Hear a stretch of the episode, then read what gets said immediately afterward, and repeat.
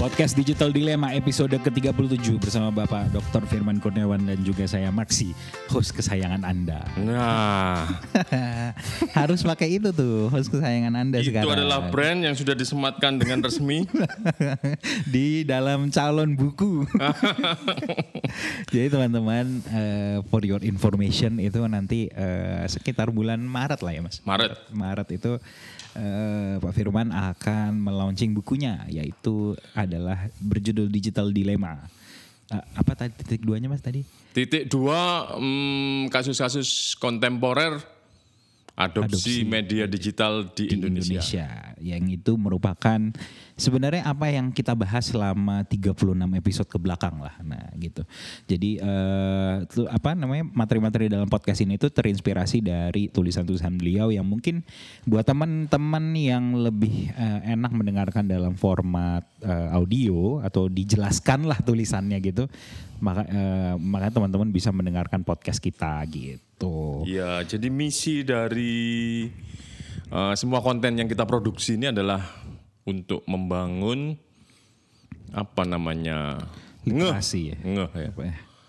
Uh, kesadaran sebetulnya sikap kritis dari teman-teman semua.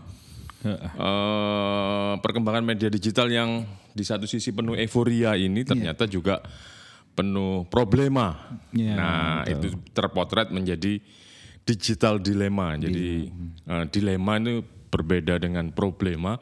Kalau problem itu masalah-masalah yang Benar, benar, lebih negatif. Kalau ini ada sisi buruknya tapi juga bagusnya yang perlu dipertahankan. Nah, iya, iya. Ada euforianya yang menggembirakan, tetapi juga harus ada kesadaran bahwa di situ uh, penggunaan teknologi digital itu juga ada ancamannya. Iya. Nah, misi kami adalah untuk membangun eh, apa namanya kepedulian atau sikap kritis teman-teman Iya, iya, dalam perkembangan teknologi digital itu. Jadi selalu ada dua kutub ya dalam Ya. penggunaan media media digital ini gitu. Ya.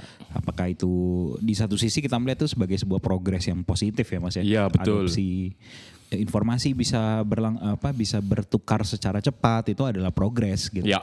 Tapi di balik itu ada implikasi-implikasi yang khususnya berpengaruh pada dunia sosial. Iya, sehingga secara sosial budaya teknologi digital yang sifatnya biner tidak perlu atau tidak patut disikapi secara biner, Biner, pula. iya. Terima atau tolak, tolak total atau terima seutuhnya. Iya. Tapi ada sisi-sisi yang abu-abu di sini itu indahnya eh, eh, sosial budaya, ilmu Iya. sosial budaya. Sama seperti materi yang akan kita bahas eh, pada hari ini teman-teman, kita akan membahas Sampai batuk-batuk saya. sampai bat. itu saking dilema teman-teman. Ke- kita akan membahas hari ini adalah tentang eh, produksi konten yang terkadang suka melepaskan konteksnya gitu Ya. Mas ya.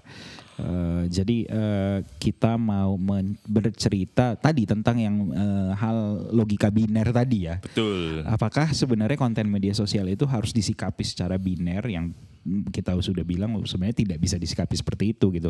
Cuma sering kali orang menyikapinya dengan sikap ya- sikap yang biner eh, Ya. dan tidak melihat sehingga implikasinya ketika melihat sebuah konten kadang-kadang kita nggak tahu itu konteksnya seperti apa dil- dilayangkan sebuah konteks gitu. Ya. Nah, Sebagai contohnya tanpa bermaksud eh, membela atau melindungi eh, Pihak pihak, yang mengeluarkan statement. ya. Minggu lalu itu Pak Menteri Menko. PMK, Menko PMK, Iya. Pak Muhajir Effendi eh, sempat di dalam sebuah acara menyampaikan eh, apa namanya sambutan upaya untuk menuntaskan kemiskinan dan strategi untuk membangun kesejahteraan antara lain menikahlah orang yang kaya dengan orang yang miskin dan orang yang miskin dengan yang kaya, yang kaya. gitu kan. sehingga ada aliran keseimbangan kalau miskin dengan miskin kaya dengan kaya ya dikotomi itu akan muncul terus. nah itu kurang lebih di dalam sambutannya Ya, ya. tapi kemudian oleh media tanpa melihat konteksnya secara utuh, itu dipotong bahkan ada statement dari eh, anggota DPR yang menyayangkan pernyataan Pak Menteri. Kok strateginya gitu banget sih gitu. Strateginya gitu banget seperti orang putus asa nggak punya lagi jalan keluar dan negara ini terlalu mencampuri urusan Privat. privat warga negaranya sampai ke urusan cinta aja harus pakai strategi kesejahteraan eh, eh, masyarakat Iya, seperti itu. iya, iya, iya. Nah, tapi dari beberapa sumber yang dekat dengan saya dan juga melihat klarifikasi, eh, seutuhnya pernyataan itu tidak seperti itu. Jadi ada aspek berkelakarnya, ada aspek eh, pengantar Iya. yang kemudian ketika dikutip oleh media itu menjadi sesuatu yang menarik. Hmm, salah satu daya tarik media itu kan adalah sesuatu yang sifatnya kontroversial. Iya, iya. Nah, ketika itu masuk ke ranah persaingan eh, informasi digital, Iya. Semakin kontroversial, semakin tidak masuk akal, semakin nyeleneh dari kelaziman, Iya. sering kali itu menjadi strategi yang eh, mujarab.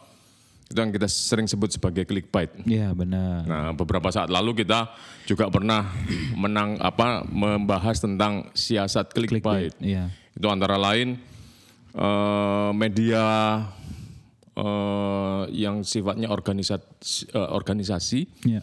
Maupun yang dibangun oleh eh, personal Iya. itu kan bersaing untuk memperoleh perhatian publik. Betul, betul, betul. Nah, salah satu teori yang pernah kita pelajari di usage and gratification Hmm. theory itu walaupun media berupaya sebaik mungkin untuk memperoleh perhatian publik, pada akhirnya publik sendiri yang Menentukan. memutuskan Iya. mana yang akhirnya dikonsumsi untuk memperoleh ke- kepuasan. Iya, iya. Nah, rupanya kalau dilihat secara karakteristik orang Indonesia ini suka sesuatu yang sifatnya periferal kalau kita bahas sebelumnya. Hmm, Iya, iya, iya. Jadi kalau ada informasi yang agak pinggiran, agak menghibur, agak sesuatu yang sifatnya ringan itu lebih mudah diserap. Iya. Nah, sehingga itu dijadikan sebagai eh, formula Iya. untuk membuat berita. Iya. Seperti tadi pernyataan Pak Menteri tanpa melihat konteksnya, Iya. konten itu disajikan seperti itu saja. Iya, iya. Bahkan beberapa media besar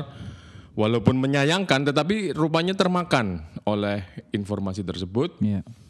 sehingga eh, pusat perhatian eh, masyarakat secara mainstream hari ini seakan-akan itulah yang disebutkan oleh Pak Menteri. Pak Menteri minta fatwa kepada Menteri Agama untuk mengeluarkan eh sorry mengeluarkan fatwa kepada Menteri Agama untuk mengatur cara pernikahan tadi. Iya. Orang kaya dengan miskin, orang miskin dengan kaya dan seterusnya. Padahal itu dalam konteks hanya intermezzo gitu Betul. ya. Iya. Kita bukannya seperti itu. Kita bukan bukan membela satu pihak tertentu gitu ya. Ya. Cuman yang menarik adalah ini ini uh, statement itu dilayangkan itu dalam konteks bercanda gitu. Betul. Cuman step bercandaannya ini menarik nih kalau dikutip sama berita gitu kan. Nah, Ya. dikutip lah sama berita, diketik ini apa strateginya Pak Menko katanya harus eh, menyem- apa me- meminta mengeluarkan fatwa tentang pernikahan yaitu yang kaya menikahi yang miskin, yang miskin menikahi yang kaya gitu. Ya, Terus dia ditulis dengan lebih biasa lah ya kalau media itu kan nambahin bumbu gitu ya. Iya. Nambahin bumbu. Wah, ini strategi pemerintah untuk melakukan gini gini gini gini gitu. Ya. Terus eh sering kali yang disalahkan adalah si pihak yang mengeluarkan statement gitu, Mas. betul. Tapi sementara kita kadang suka lupa bahwa eh, medianya kita nggak kritisi gitu ya.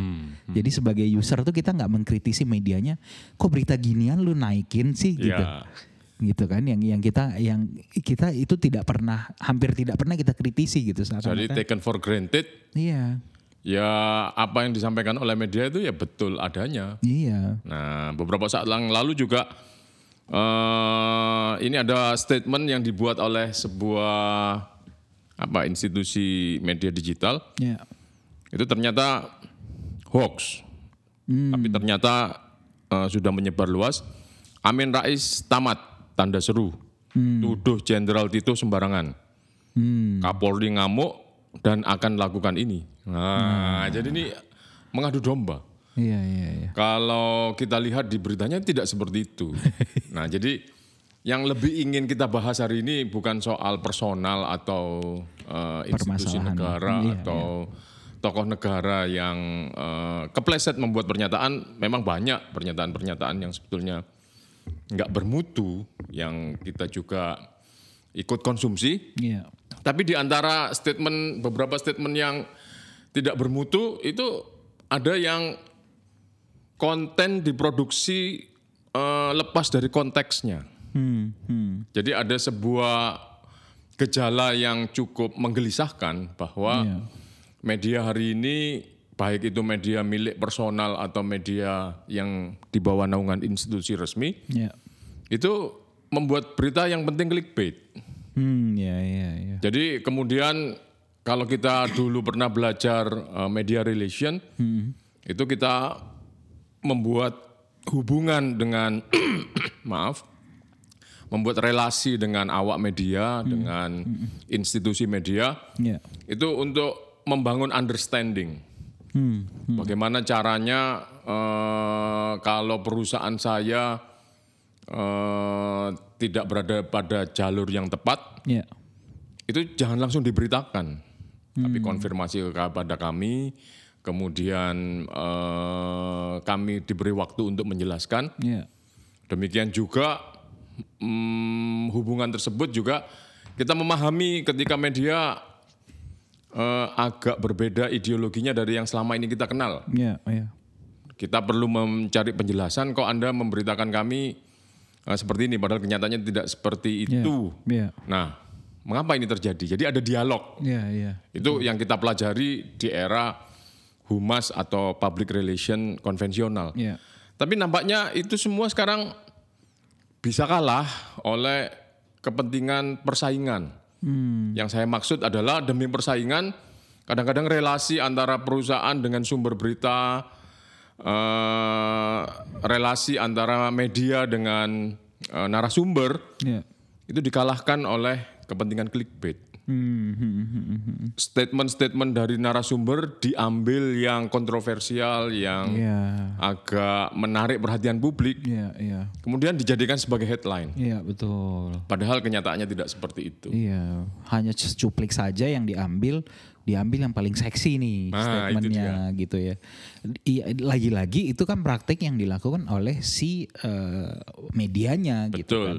Yang terkadang kita tidak melihat itu sebagai sebuah masalah gitu. Kita Iya. langsung langsung instan melihat siapa nih yang ngomong gitu kan langsung Kemudian rame-rame dihujat. rame-rame dihujat. Dihujat pun itu adalah sebuah berkah viral di situ, Iya. bisa mengundang iklan, bisa mengundang penghasilan dari sebuah media kadang-kadang Iya. seperti itu. Nah itu kan, tetapi patut disayangkan. Iya benar. benar. Apa yang kita pelajari di etika komunikasi, ketika sebuah konten dipisahkan dari konteksnya, itu bisa artinya maknanya melenceng jauh dari Iya. apa yang dimaksud. Iya, iya, iya. Sehingga adalah sebuah tindakan yang tidak beretika ketika eh, satu pihak dengan sengaja Iya. melontarkan konten tanpa mempertimbangkan atau menyertakan konteksnya seperti apa. Jadi seperti tadi eh, statement Pak Menteri entah itu benar atau tidak,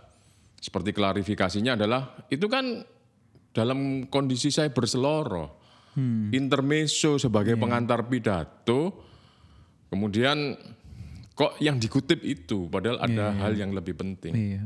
Kalau kita kita berpikir dari sisi awak medianya, misalnya ada pembelaan dari mereka kan, mereka bisa bilang kan memang dia ngomong gitu gitu. Nah itu juga betul. Eh, memang sih gitu ya. Tapi Cuman konteksnya apa? iya, Konteksnya bagaimana? iya betul.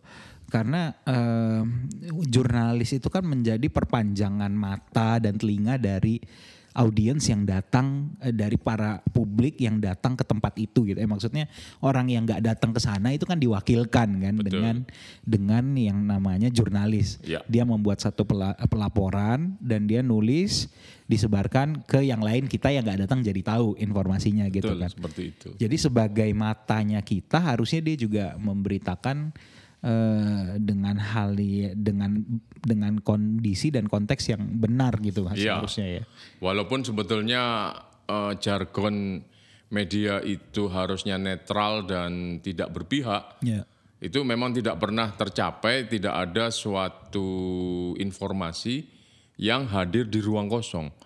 Pasti ada kepentingan di balik itu, pasti ada maksud. Tetapi sebisa mungkin itu tidak memojokkan, tidak membuat eh, sumber berita atau makna dari berita itu mengarah pada tujuan tertentu. Hmm, iya, Ya, tujuannya ya menginformasikan apa yang terjadi. iya, iya, iya. Nah, jadi dengan apa yang kita contohkan tadi dengan beberapa berita atau teman-teman sendiri para pendengar mencari contoh-contoh clickbait Iya. itu sebetulnya realitas yang kita harapkan dari eh, kita mengkonsumsi informasi entah Iya. dari sosial media atau media digital lainnya Iya. itu semakin jauh dari kita paham pada realitas. Jadi sebetulnya Hmm. apa sih yang dikerjakan oleh orang ini itu menjadi melenceng dengan statement-statement yang sifatnya clickbait tadi. Hmm, jadi demi mengejar eh, traffic atau pengunjung, Ya. jadi di kebenaran itu disortir mencari kebe- menjadi kebenaran yang mana yang paling laku dijual gitu. Nah. Maksudnya kurang lebih ya. Walaupun itu sebetulnya praktek-praktek seperti itu di era pra media sosial atau pra media digital itu sudah ada. Iya. Tapi hari ini itu sangat mudah ditemukan dan begitu menjadi tendensi, Iya. menjadi gejala yang cukup serius. Rasanya tapi kalau di media konvensional, misalnya di koran atau apa gitu, eh ada rapat redaksi mungkin yang lebih bisa menfilter hal itu mungkin sih mas. Iya, iya. Iya nggak sih iya. kayaknya ya. Ah, tapi kalau dalam beberapa kasus yang kita contohkan demi clickbait tadi itu Iya. tidak terhindar media-media yang besar yang sebetulnya mainstream tapi menerbitkan Iya. atau menginformasikan secara digital Iya. itu turut dalam gejala ini melepaskan konteks dari kontennya. Karena mereka juga, ya bagaimanapun mereka adalah institusi ekonomi ya Betul, sebenarnya mas ya. betul. Iya iya iya. iya. Nah, padahal kalau kita ingat eh apa namanya? Bahwa informasi atau komunikasi itu sifatnya irreversible. Hmm, ya ya. Walaupun dia bisa diralat, walaupun dia bisa diklarifikasi, Iya. Tapi makna yang sudah Ter- tertanam di pikiran publik itu relatif sudah tidak bisa diubah. Iya iya benar. Dan terbukti setelah statement Pak Menteri tadi banyak kolom kemudian banyak ulasan di jagat informasi ini Iya. yang meng, atau berpatokan pada seakan-akan tadi Pak Menteri itu mengusulkan eh, strategi yang absurd tadi. Iya iya iya. Jadi seakan-akan ini menterinya ini males hanya cari sensasi aja nih. Padahal mah ya ya kita tahu strateginya itu pasti banyak gitu kan. ya. Strateginya banyak dan memang belum tentu tepat juga. gitu. Iya iya iya. Tapi bukan hanya ber- bersandar pada yang tadi gitu misalnya kayak gitu gitu ya. Nah, sebetulnya juga gejala clickbait ini di beberapa kalau kita googling ini sampai ada rumus bikin judul yang clickbait.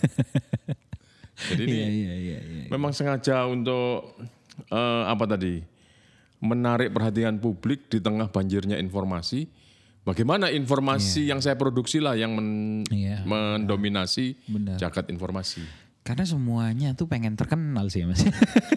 Pengen laku kalau kita ikut iya. yang pernah kita bicarakan tentang ketunggalan dimensi media sosial. Iya. Itu tadi dengan kita ber apa patokan pada keberhasilan adalah keberhasilan menangguk keuntungan ekonomi, Iya.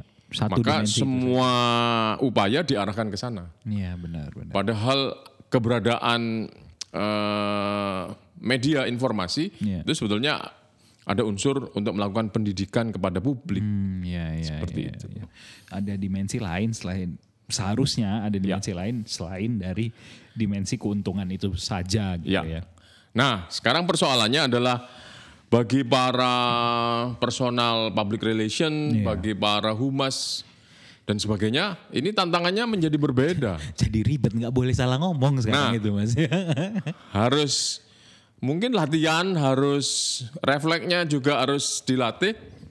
Jangan mengeluarkan sesuatu yang sifatnya kontroversial, nanti akan dilahap Iya. oleh para pencipta clickbait ini. Iya iya iya. Akhirnya itu yang akan dijual.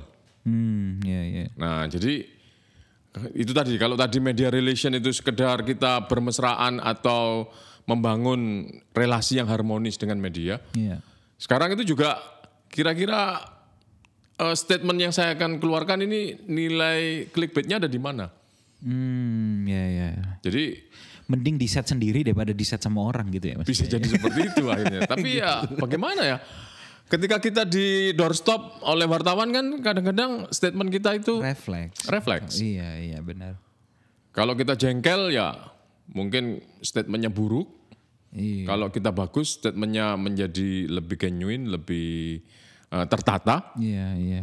Nah, jangan-jangan nanti dengan gejala clickbait ini orang dibuat uh, kepleset statementnya karena itu menjual. Itu kan Iya, ngeri iya. sebetulnya. Bisa aja dia baru selesai rapat, capek gitu kan, apa pusing gitu dia lagi bad mood lah misalnya Nah, gitu kan. itu nanti akan dapat kritikan lagi yang namanya pejabat publik harus Iya. capek. Tapi itu kan konteks ya mas ya. Ya. Maksudnya itu kan konteksnya Ya. yang yang kadang-kadang kita ngasih statement itu ya karena kondisinya lagi begitu gitu Betul. misalnya gitu kan. Kita yang sering ikut metodologi penelitian, Iya. terutama metodologi penelitian sosial, etnografi dan sebagainya, Iya, iya. itu kan ketika statement disampaikan tidak boleh dilepaskan dari situasi apa yang ada di Iya, balik itu. betul. Bagaimana dia cara mengucapkan dengan tegas atau terbata-bata, dengan raut muka yang sedih, semuanya harus ditampilkan supaya dapat informasi. makna yang utuh, betul. Iya iya, tapi tapi itu tidak bisa dilakukan dengan pelaporan di media digital misalnya Ya. seperti itu gitu ya. Ya betul. Jadi eh ya lagi-lagi sih kalau berhubungan dengan episode yang lalu dari sisi public figure pun ini perlu skill ya kayaknya untuk menghadapi hal-hal seperti ini gitu. Betul. Jadi nggak nggak mudah juga sebenarnya untuk menjadi public figure yang di Iya. Harus di doorstop. Saya nggak kebayang sih kalau misalnya tiap jalan ke mana tuh di stop, di stop, di stop gitu tuh pasti. Betul. Terus pertanyaannya sama semua gitu kan misalnya kan. Kan saya udah jelasin tadi gitu kan. Nanti bisa ditulis dengan nada marah dia gitu. Beberapa saat yang lalu juga kita sempat membahas bagaimana peran humas, peran public relations di era post-truth. Iya. Itu antara lain ketika ada sesuatu yang kontroversial akan disambar dengan cepat, kemudian ketika itu tidak diklarifikasi akan dimanfaatkan oleh pesaing Iya. dan ketika itu sudah masuk ke dalam jagat informasi itu menjadi sulit karena dia menjadi jejak digital. Hmm, Nah, hari ini dengan modus yang baru melepaskan konteks dari konten itu bertambah tantangan bagi para humas dan public relation. Iya, iya. Jadi bukan hanya masuk ke era post truth yang eh, kebenaran itu sulit ditentukan, Iya, iya. tapi juga memang kebenaran itu difabrikasi untuk memperoleh clickbait. Clickbait. Iya, iya, iya. iya. Seperti itu Mas Maksi. Eh, saya teringat dengan kasus eh, Ahok dan Buniani sih. Oke. Jadi ada bagian-bagian yang yang eh, dari seutuhnya pernyataan diambil sebagian gitu kan. Betul. Jadi kurang lebih hal-hal seperti itu yang eh, apa namanya Menimbulkan kekisruan. kekisruhan justru gitu ya. Itu ini yang hal-hal yang berbahaya gitu. Iya. Yang em, sebenarnya produksi konten di media digital memang secara kalau kita lihat teori media richness itu kan memang Hmm. eh, dia tidak bisa secara utuh menyampaikan apalagi berita online misalnya gitu ya Iya. hanya teks hanya teks dia hanya sebagian kecil dia tidak bisa menggambarkan hal yang seutuhnya proses komunikasi yang Betul, betul sekali. sekaya tatap muka misalnya Iya. gitu kan Iya. Nah jadi memang dari dari sisi dari sisi medianya sendiri memang memiliki kelemahan gitu Iya. Nah, ditambah kalau yang mem- yang membuat konten di dalam medianya semakin diperkecil eh, kapabilitasnya misalnya Mm-hmm. ataupun kesempatannya eh, media online ini kan waktu ya yang menjadi eh, apa tantangan kan. Ya. Semuanya pengen cepat cepat cepat cepat cepat gitu kan. Mm, akurasi, validitas dan sebagainya itu nomor sekian. Nomor sekian, selalu bisa minta maaf katanya Nah. kalau- itu. Atau klarifikasi dengan mengeluarkan berita yang lebih baru. Iya. Tapi berita yang lama tidak dihilangkan. Nah, Gitu jejak jejak digitalnya masih ada gitu kan. ya. Jadi hal-hal seperti itu yang eh, membuat ag- bisa sedikit berbahaya konten itu lepas dari konteksnya gitu. Iya. Tadi eh, sebelum kita rekaman tadi ada Pak eh, state Pak Firman waktu kita ngobrol tuh ada statement yang menarik. Kebenaran itu justru menjadi lepas apa eh, re- kebenaran itu menjadi lepas dari kebenaran Iya. hanya karena eh, mengejar clickbait itu gitu. Iya. Jadi bukan yang sebenarnya yang di- yang yang disampaikan yang sebenarnya gitu tapi Yang disampaikan yang sebenarnya tapi bukan itu yang benar. nah Karena kebenaran itu kalah oleh clickbait. nah itu. Sedang eh, sering kali kebenaran itu tidak menarik ketika disampaikan apa adanya. Nah, itu. Nah, ini juga eh, saya pernah ditemuin rekan saya, sahabat saya waktu kuliah di S1. Ya. Dia menjadi korban pemberitaan.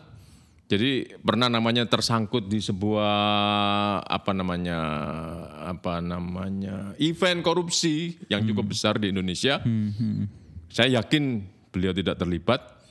Nah, dia memenuhi semua apa fase-fase panggilan oleh KPK. Ya.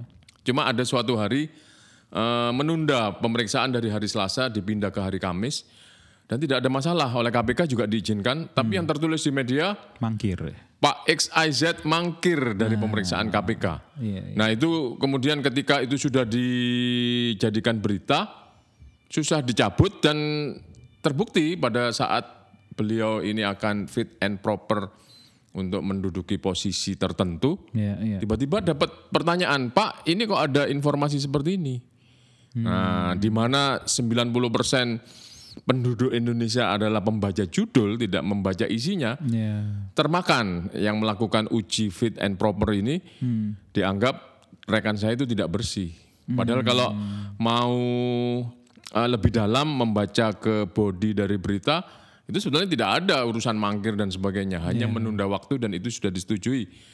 Demikian juga uh, dengan peristiwanya itu sendiri sebetulnya tidak terlibat sama sekali dan KPK sudah mengklarifikasi Iya, iya. bahwa bapak tersebut tidak terlibat hanya di dalam rangkaian peristiwanya eh, Saksi. ada step Oh, yang iya.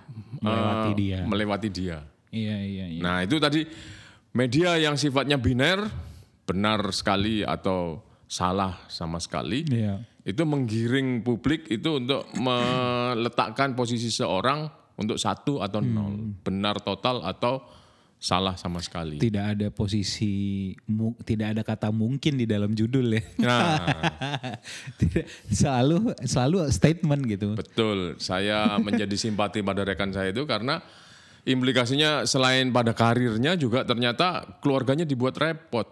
Ah, Kolega istrinya, kemudian anak-anaknya di sekolah, kok bapakmu koruptor gitu. Nah, padahal, sama sekali nggak ada urusannya sama itu. Padahal dia ya hanya memang harus masuk dalam rangkaian proses pemeriksaan aja gitu Ya, ya. seperti itu. Iya, iya, iya. Dan itu untuk memperbaikinya tuh eh, effortnya luar biasa mas ya. Luar biasa dan mahal. biasa Eh, harus untuk eh, mengubah apa namanya eh, nggak hanya nggak hanya teknis tentang beritanya tapi yang social cost ini yang bisa jadi lebih lebih mahal ya yaitu Ya. gimana memperbaiki relasi dengan keluarga lagi Ya. dengan ini keluarganya malu apa segala macam Dan bukti bahwa komunikasi irreversible itu semakin ditunjukkan oleh clickbait tadi. ya, ya. Eh, sorry, oleh eh, digital pad. digital pad ya ya Jejak digital tidak bisa dihapus. ya itu itu sulit itu memang untuk untuk ngatasin itu Jadi sangat disayangkan jika kebenaran tidak dihadirkan sebagai kebenaran, tetapi hanya sekedar mengejar clickbait. Iya, iya. Saya teringat juga dengan dulu pernah kita bahas sih di podcast ini eh, salah satu teman juga yang merupakan apa eh, jurnalis senior lah di salah satu media online gitu eh, yang berkata bahwa eh, secara sebenarnya itu nggak ada sih Du- eh, ini konteksnya waktu itu adalah pemilihan presiden 2019 kemarin. Media tuh nggak ada apa nggak ada paham ideologis dia memilih ke satu pasangan atau pasangan lain gitu. Betul. Hanya ada pasangan mana kalau yang saya beritakan itu yang lebih banyak ininya. Lebih banyak pembacanya. pembacanya gitu. Dan lebih banyak membaca artinya iklan lebih banyak masuk. Iya, it's all about business Nah. katanya sih gitu. Betapa sedihnya kita berada di sebuah dunia yang menunggalkan dimensi Iya, yang sebetulnya luas, tapi menjadi hanya sekedar dimensi ekonomi dan politik Iya. saja. Berbeda dengan kalau di Inggris ya. Kalau di Inggris itu kan media dia eh, harus menyebutkan dia mendukung siapa gitu. Oh begitu Jadi ya. kalau di media Inggris misalnya eh, The Sun atau apa gitu, eh, dia di awal itu eh, Guardian gitu misalnya, dia harus bilang saya ini media yang pro mendukung partai mana gitu. Nah jadi para pembaca paham konteksnya, Iya, mengapa dia menulis dengan cara seperti itu, iya benar. tidak berburak-burak netral, tetapi sebetulnya Mendukung. mendukung atau mengejar iklan dari Iklan, pihak tertentu. Iya. Yang itu yang sempat diwacanakan di Indonesia tapi nggak tahu nggak terwujud kayaknya sih. Jadi media itu harus men-state dia mendukung siapa gitu. Kalau di Inggris tuh di- dilakukan kayak gitu. Jadi oh orang tahu ya memang dia media ini dukungnya ini kok gitu misalnya. Betul. Ya. Jadi eh ya lagi-lagi sih poinnya adalah di episode ini kita mau bilang kadang-kadang kita tuh tidak melihat kita konsumen media yang tidak terlalu mengkritisi medianya biasanya gitu. Ya. Malah malah seneng dengan apa yang dibuat media dengan kita gitu ya. Itu dikasih clickbait gitu. Jadi teman-teman ha- mungkin harus bisa eh, kritis kali ya untuk terhadap terhadap eh, media-media ini dan mm, gimana caranya kalau misalnya teman-teman tidak suka dengan satu model pemberitaan gampang sih nggak usah konsumsi aja gitu ya. Atau kita tunjukin modus-modus clickbait. Iya. Judulnya apa, isinya apa, dipampangin aja di Twitter atau di media sosial kita. Iya. Sehingga lama-kelamaan media yang berideologi clickbait itu menjadi kehilangan kepercayaan atau kredibilitasnya. Iya, iya benar. Itu mungkin sanksi etis, sanksi sosial yang lebih efektif. satu set dengan sanksi ekonomi sih karena trafficnya pasti akan turun kan. Betul, mau tidak mau akhirnya seperti Iya gitu. Gimana teman-teman punya ini nggak pengalaman ketipu sama judul clickbait nggak? Saya sebagai pengguna eh, Line yang biasa banyak dengan Line Today itu judul-judulnya suka lucu-lucu. Berita Line Today gitu-gitu. Sembilan fakta tentang XIZ ini yang kedelapan. Iya, nomor lima paling ngeri. Jadi kalau teman-teman mungkin boleh share kalau yang punya pengalaman ketipu clickbait gitu. Dan juga kita punya peluang untuk mendirikan sebuah institut clickbait. Nah, kalau hoax kan udah banyak ya. apa laporan hoax itu udah banyak gitu. Betul. Tapi ya clickbait ini memang apa sih apa Samar. halus, samar gitu. Kadang-kadang ya kalau kita nggak tahu informasinya kan, uh masa gitu kan? Ya kita buka juga gitu. Oh gini doang kan gitu. Sialan kena gue kena clickbait gitu. Betul.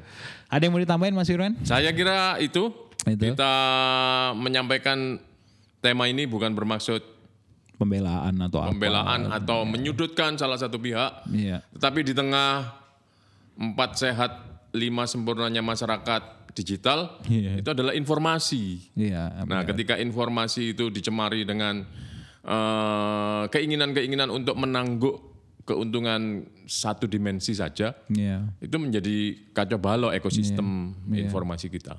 Karena kalau kata siapa ya saya lupa deh. Ma, eh, Marx atau Foucault eh sih? yang menguasai bahasa dia yang menguasai dunia gitu. Ya, betul. Jadi yang mereka yang men- menguasai menulis ini mereka yang menguasai bagaimana alur informasi ini. Betul kan mungkin juga ada filsuf Martin Heidegger bahasa adalah rumah bagi pengetahuan. Nah, itu dia. Nah, ketika bahasa yang tadi melepaskan konteks dari kontennya, maka pengetahuan itu akan menjadi kerdil, dangkal dan sangat salah karena konteksnya tidak disertakan. Hmm, betul, itu dia teman-teman. Jadi pastikan kalau mau eh, membagikan berita itu dilihat, lihat yang kira-kira ini udah benar belum sih dia nulis tentang konteksnya gitu. Kalian aja kalau curhat kan pasti ceritain konteksnya kan. Kok dia tuh sampai begini banget ya padahal gue udah begini begini begini gitu. sampai sampai sampai ngerti terhadap oh kenapa dia sampai bisa berbuat kayak gitu. Inilah kalau hostnya milenial. Nah, namanya juga host kesayangan. Oke teman-teman, eh, episode ke-37 sampai di sini kami pamit sampai ketemu di episode selanjutnya. Dadah. Salam.